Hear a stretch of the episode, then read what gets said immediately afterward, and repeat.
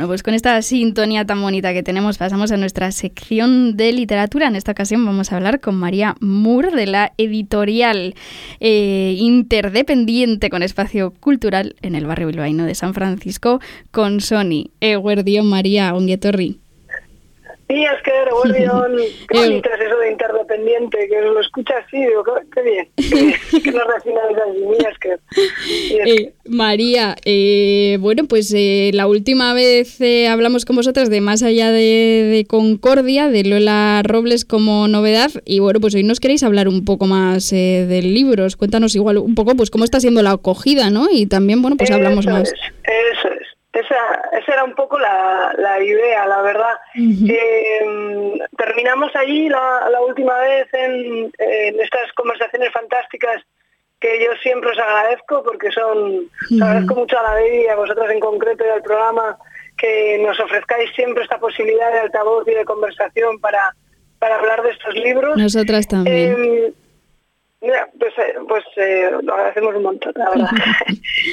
Eh, y deciros eso, que, el, anterior, el, eso, terminamos con Lola Robles, más allá de Concordia, que es un libro que, recomendamos muchísimo y que está, está funcionando muy bien, incluso eh, mejor de lo que esperábamos. La acogida está siendo espectacular de este libro, que es un libro que es una utopía feminista queer, que al final, eh, y, nos alegramos mucho de su acogida porque nos parece que es un libro que, es muy necesario hoy en día, que de alguna manera es un libro reconciliador, es un libro que habla de un mundo utópico eh, con un contrato social en el que ya no existen las clases, donde hay un acuerdo ecosocial para mantener el planeta, donde ya no hay un racismo ni existe el género, y sin embargo eh, está basado en el elitismo, en la igualdad de los pocos, cuando empiezan a coger eh, seres de otros planetas, el debate, eh, las contradicciones surgen, ¿no? Y nos parece que es crucial hablar de estas cuestiones porque al final Lola Robles traslada los debates más actuales desde el pacifismo hasta el transfeminismo, los, los, los traslada a un imaginario interplanetario eh, que creo que facilita mucho el, ubicarlo como fuera de, nuestras fronteras para, poder llegar a acuerdos y para darnos cuenta de que en realidad eh, podríamos llegar a, una convivencia mucho más cordial de la que somos capaces de construir en este nuestro planeta Tierra, eh, que cada vez estamos atacando y hiriendo un poco más, ¿no? Entonces es, es, un, es un libro no solo utópico, pero sobre todo esperanzador, eh, positivo, eh, buen rollero. Qué, importante, ¿no? Esto en estos momentos eh, en el que se, se, da ese triunfo de las distopías, de todo lo contrario, qué interesante tener algo que nos hable de, una utopía, ¿no? Sí. Sí, además una utopía que no, que no aspira a alcanzar a la perfección, sino a superar sus propios contradicciones, ¿no? En un momento dado del libro hay una frase en la que explican ese Concordia, que además Concordia es un planeta con el que la autora Lola Robles ha estado soñando desde su adolescencia. Ha ido construyendo ese planeta desde, desde que era eso, una, eh, una jovencita, y, y, cómo lo ha ido perfilando, y ahora ya en la madurez de su edad adulta, cómo, cómo ha construido y ha decidido presentar al mundo este, este planeta que en un momento dado pues eso se dice, voy a leer un trocito, un fragmento del libro que dice... Adelante. Eh, al principio cuando empezamos a habitar este mundo, después de la terraformación, había una clase dirigente, la de los patricios, y otra de trabajadores y sirvientes. No la queríamos así, de manera que nos fuimos igualando. También transformamos esa parte del planeta del paisaje que ves. Bosques, lomas, ríos, pequeños lagos, mucha agua y campiña. Fue un trabajo a gran escala en todas partes. Lo conseguimos porque teníamos los medios y el dinero para ello. Construimos una sociedad pacífica y horizontal, laica y vegetariana, debido a que el número de concordianos nunca ha sido muy elevado y partimos de principios y objetivos comunes. Ahora nos enfrentamos al aumento demográfico y a la presión migratoria. Mucha gente de otros planetas quiere venir. Este es un buen lugar, próspero y sin conflictos graves. En la página 11, ¿no? esta, es la, gran clave del libro, porque no, y no pretende decir que los que vienen de fuera lo estropean o, o, que, o que la utopía es imposible, al revés, lo que viene a construir es, bueno, ¿cómo podemos seguir manteniendo una utopía que no aspira a eso, a la perfección? sino a la superación de las contradicciones. Eso es lo que decías antes, ¿no? De asumir errores y transformarlos sin pretender la perfección absoluta. Eso es. A veces las utopías parece que aspiran a eso y entonces generan frustración, ¿no? Como utopías imposibles. Y Lola, eh, con una lectura y con una, con una escritura, con una reacción muy, muy próxima eh, yo creo que, que, llega a ser un libro que es fantástico, que además hoy, 22 de junio, es el aniversario del nacimiento de Octavia Butler, como sabemos, una gran dama del afrofuturismo.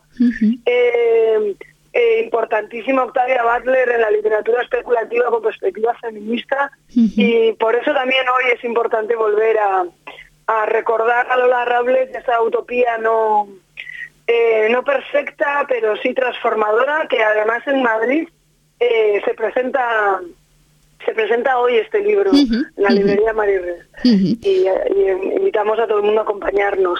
Un libro, eso, necesario, pequeño además, es una novela muy corta, se lee en una tarde, estás en la playa y te lo puedes leer, puedes cerrar los ojos y pensar que todas estas barbaridades y la derechización de la derecha es un sueño.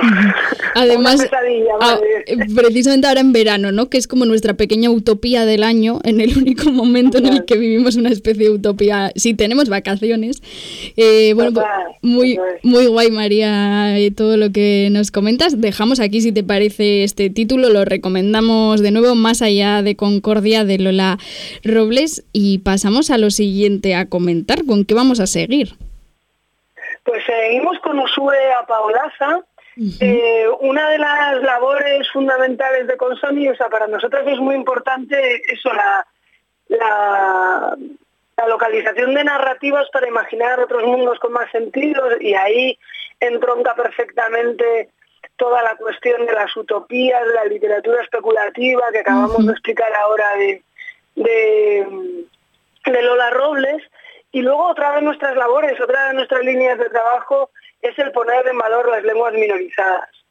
En ese sentido, la traducción del catalán, del castellano, del gallego, que son idiomas que además a los cuerpos que encarnamos con Sony nos atraviesan, pues nos parece fundamental. Entonces, ahí venimos con Usura Paolaza, Estación en Curva, un libro que la semana pasada creo fue el lanzamiento, hace poquito, y que tuvimos la oportunidad de presentarlo en la, en la Soca de Bilbao, en la Feria del Libro de Bilbao, junto con nuestra compañera y nuestra gran cómplice Alicia San Juan. Tuvieron una conversación fantástica.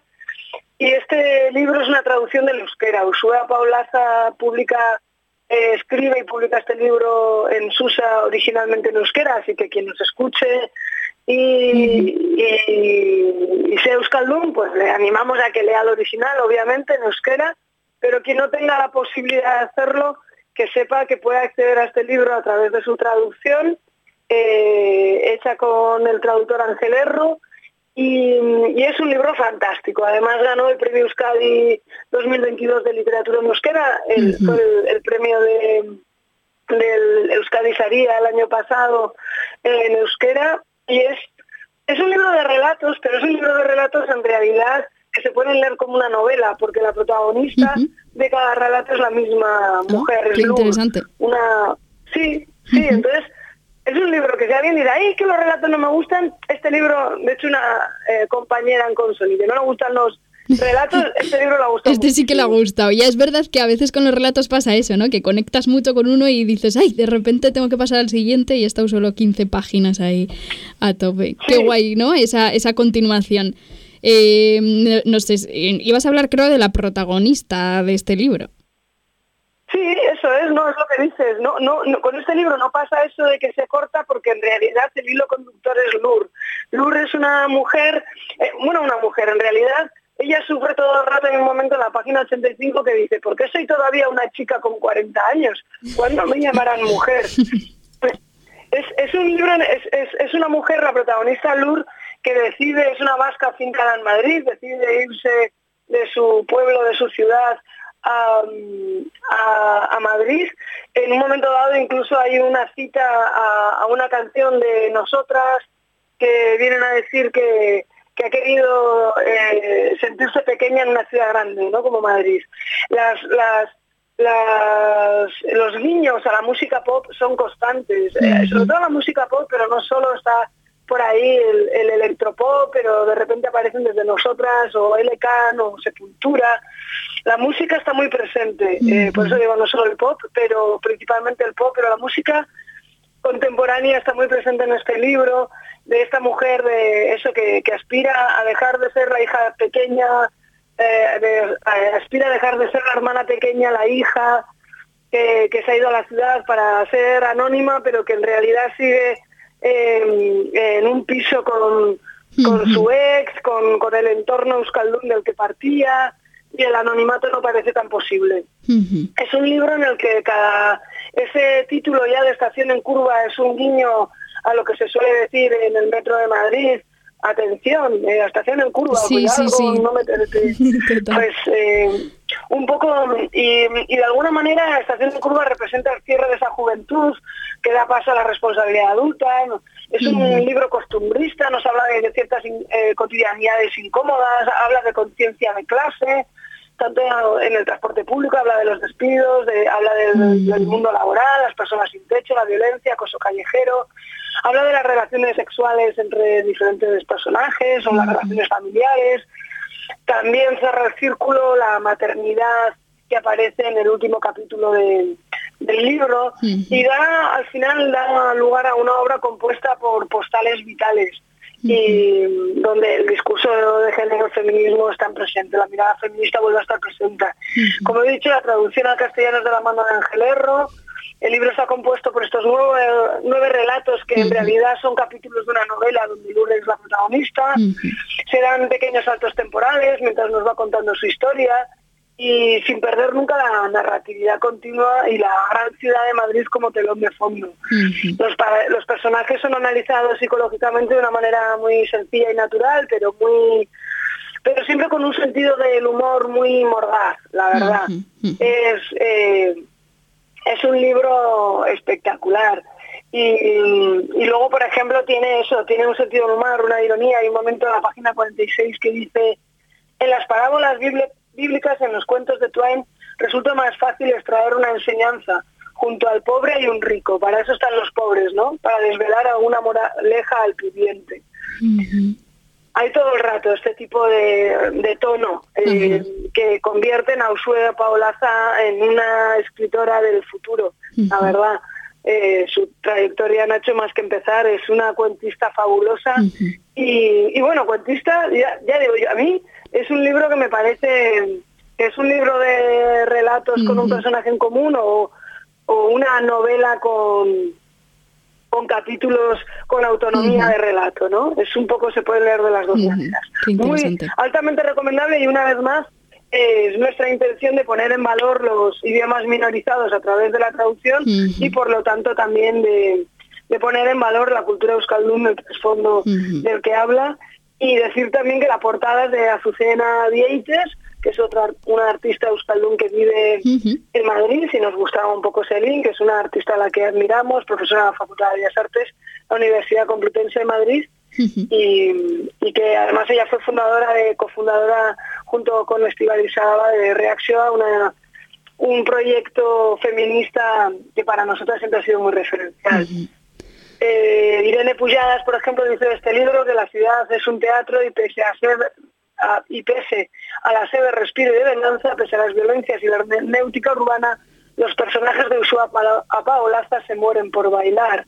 Qué interesante. Y por último decir que Beñat Sarasola dice de este libro, los cuentos de Paolaza tienen la extraña capacidad de producirte una sonrisa a la vez que sientes como están echándole sal sin descanso a cualquiera de tus heridas. Desde, desde ese humor entiendo que decías antes, ¿no? Que, se trata con, mucho humor. Muy interesante también este, este segundo título que, nos traes, Estación en Curva, de Usue a Paulaza. Eh, pasamos, si te parece, eh, adelantamos un poco lo que nos viene después del verano. ¿Qué, ¿Qué, tenemos preparado desde, desde Consoni? Eso es, ahora os vamos a contar. Lo que viene a partir de ahora son secretos. Eh, siempre ya sabes que me, gusta traeros al programa cosas que no que no hemos adelantado en ningún otro sitio. y me gusta siempre venir con primicias y, con cuestiones que no hemos avanzado en ningún medio de comunicación ni en las redes sociales. Qué guay, María. Te, Qué guay, te agradecemos esas, estas exclusivas que nos traes. Claro, es que vuestra complicidad pues nos, nos sugiere hacerlo así, ¿no? Es, es como que nos sentimos cómodas hablando de, del porvenir de nuestras lecturas eh, en este programa. y entonces queríamos contar un poco la reentré en septiembre, octubre, contar, ahora sí no, no, no, podré contarlo con tanto detalle quizás como he podido hacerlo con, con los anteriores libros em, que ya están en marcha y que ya tienen su recorrido, que además el de Paulaza por cierto, estuvo también en la Feria del Libro de Madrid y a ella le hizo mucha ilusión. Dijo que su libro estuviera en, aquella feria que ella como tantas veces había paseado. Eso es muy bonito. Y septiembre lo traemos con dos novedades que a las que tenemos eh, mucha estima y, y, muchas ganas de hincar el diente. Una es, eh, venimos con con la primera novela de, la investigadora y periodista alemana Mitu Sanjal. Eh, ella es autora de, unos ensayos que son bastante incisivos. Eh, Vulva se publicó en el 2012 por Anagrama y Violación se publicó después en 2019. Está claro que Mitu Sanjal sabe elegir los títulos de sus libros, Vulva y Violación. Eh, esto, estos fueron ensayos y ahora se ha estrenado en Alemania con su primera novela, se llama Identity, em, y, ella eh, profundiza en los debates actuales en torno a la política identitaria, el racismo, los disecciona y se burla de ellos, así claramente. Este libro ha tenido un éxito, ha sido un, éxito bestial en Alemania. En el 2021 ganó el premio Ruhr de literatura que lo conceden el gremio de, libreros de, Alemania. también se llevó el premio Ernest Bloch y fue finalista del premio alemán del libro. Realmente ha sido un libro que tanto la crítica como, como el público ha acogido muy bien. Luego, a ver, Mitu Sanyal siempre levantan pollas, tiene eso, no se anda con, eh, con menudencias y entra siempre en las cuestiones más polémicas, ¿no? Lo hizo así cuando cuando hizo su ensayo sobre vulva para reivindicar el hablar de, del sexo eh, femenino, hizo así también para hablar de, la cultura de la violación con su libro Violación. Y ahora, una de las cuestiones que empieza a trabajar es que la propia Mitu Sanyal em, procede, eh, su padre creo que es nacido en la India y su madre en Alemania, y esa es la cuestión que la atraviesa y es la cuestión que trata la novela con un ritmo vertiginoso y con muchísimo ingenio. la historia parte de un escándalo en torno a una docente que es eh, estrella en, los estudios postcoloniales de la Universidad de Düsseldorf, la profesora Sara Wasti, que ella es la, pues esta mujer es la vanguardia de los debates de política identitaria en esta universidad y resulta que toda la novela se centra en el escándalo eh, que genera descubrir que esta profesora Wasti resulta que es una mujer blanca eh, en cuya partida de nacimiento aparece como Sara Vera Tillman, que no es eh, racializada y que es alemana. Que ha creado como una historia ¿no? alrededor de eso y finalmente no es racializada. Eso es, o sea, la, protagonista de, o sea, Mitu Sanyal juega con eso y se imagina a una profesora eh, que, a una profesora universitaria que se ha convertido en el adalid de, los estudios postcoloniales y que resulta que no es racializada, ¿no? ¿Qué pasa? Eh, ¿Tiene derecho una mujer no racializada a, hablar de, raza, a hablar de poscolonialismo? ¿Tiene derecho, eh, no sé, incluso en un momento dado mi Señal habla con muchísima ironía de la disforia racial, ¿no? Eh, eh, podría existir algo así. Eh, entonces toda la novela se, construye en base a, la conversación entre dos personajes. Es la, profesora Saraguasti que, que resulta ser un fraude y una de sus alumnas y blogueras que se llama Nivelita Nan, que está hasta el moño de que le pregunten de dónde es, que es nacida en Alemania y de padre indio, Niveita admira profundamente a su profesora, pero se siente defraudada, furiosa. Entonces todo este libro es, esa conversación entre esas dos, es la pregunta de qué significa la identidad. Hay un momento dado en el que decimos que este libro es como si Sally Rooney, Beyoncé y Franz Fanon vieran juntas eh, la serie Sex Education. Eh, eh, y eso es lo que pretende Mitu Sanyal, ¿no? Es un poco lo que, lo, que, lo que ha conseguido esta frase en vosotras, es, es arrancar la carcajada, la ironía, con, con una ironía sí, muy autocrítica. Y además con un tema, eh, como que puede ser espinoso, ¿no? Que ahora entendemos lo que nos decías de que puede resultar polémica. Claro. No, no. O sea, eh, si Ursula Paulasa decíamos que echa sal de las heridas, eh, Mitu Sañal echa vamos, no sé, no, no, no echa eh, sal, echa ácido directamente, ¿no? Es, es, pero lo interesante de Mitu Sanyal es que lo hace además partiendo de ella misma, es decir, toda la polémica surge siempre desde una autocrítica. Ella no es alguien que está lanzando eh, críticas a las otredades, ¿no? sino que se mira a sí misma y parte de ella misma. Y desde ahí es donde construye todo el discurso, empieza con la autocrítica y se lanza la crítica de esta sociedad que es puramente y, muy estructuralmente racista, ¿no? Entonces, a esta sociedad que somos tan racista y xenófoba, nos lanza preguntas, ¿es posible deshacerse de la blanquitud, nuestra identidad? ¿Es simplemente nuestra personalidad? ¿Está definida por nuestro género, por nuestro color de piel? ¿Qué tiene el sexo que ver con todo esto? Y ahí en esta novela desfilan desde la diosa Inducali hasta Bell Hooks, Judith Butler, Spivak, Althusser, desfilan por esta apasionante novela y Mitu Sanyal escribe con un delicioso humor autocrítico, como digo, y una perspicacia liberadora. qué, eh, qué, interesante, María, este título que nos traes. Además, eh, nos decías ¿no? que antes se eh, había publicado también títulos como vulva o violación. Elige siempre como una palabra, ¿no? O sea, como ese impacto de la sola palabra. Eso es, eso es.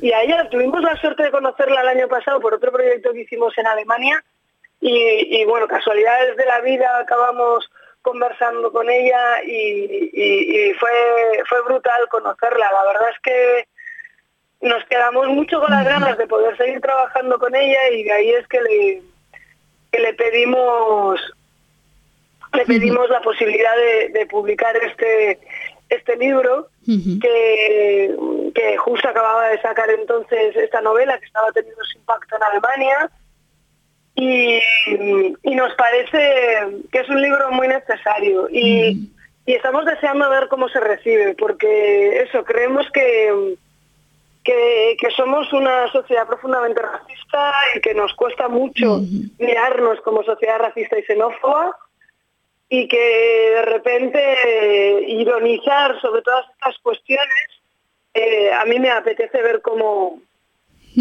cómo se puede recibir, ¿no? Y que además, claro, eh, eh, escribir sobre una profesora que resulta ser un fraude, pero que quien está escribiendo esa novela es una persona racializada a sí mismo, pues pienso que, que, es muy potente, ¿no? María, eh, pues, sabemos que nos traes también más títulos, ¿no? Eh, a comentar que, se publicarán. Vale, eh, te lo digo porque nos quedan dos minutos para, para terminar. Nos hemos podríamos acabar con podríamos acabar con Mitu Sañal y si no, el último que queríamos traer era sobre la tierra bajo la sembra de Leire Milicua que viene de, la euskera, queríamos comentar ese libro de, de Leire Milicua y Borradores del Futuro, que es un proyecto que se hizo ahí en Álava, que, que surgió precisamente por el espacio de creación a sala y de ahí de la Sierra Alavesa. Esos eran los dos títulos que queríamos.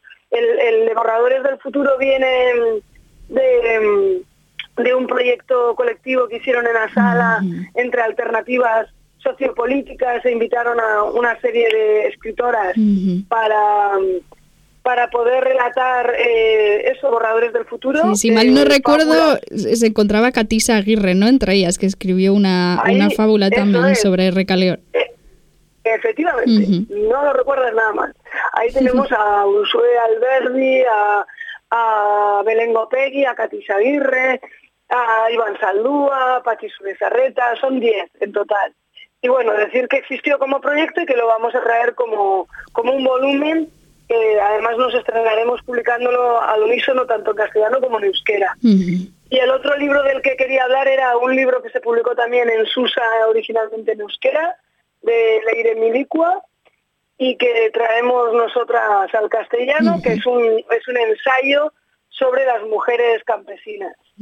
Eh, sobre sobre las protagonistas son las campesinas, que muchas de las cuales son también mujeres rurales, invisibles entre las más invisibles, y con un montón de datos y referencias y citas, Leire Milicua pues hace un análisis sobre el medio rural, la actividad agraria y las campesinas. y, esto es un poco así, si os parece. Estos son pues los, los dos libros que traíamos a, comentar y que en el siguiente ocasión, pues igual haré como hice con Lola Robles, eh, empezaré con estos dos que se han quedado así un poquito más más más en puntillas pero con ganas de que María pues, eh, pues eso es Oye, Millesker, por, por traernos estos, estos títulos, por comentárnoslo, por profundizar también en, en, cada uno y nos quedamos a la espera, como decías, deseosas de, de seguir eh, después de las vacaciones en una nueva colaboración con Consoni, que nos comentes estos títulos que saldrán a partir de septiembre. Millesker, María. Estamos en contacto.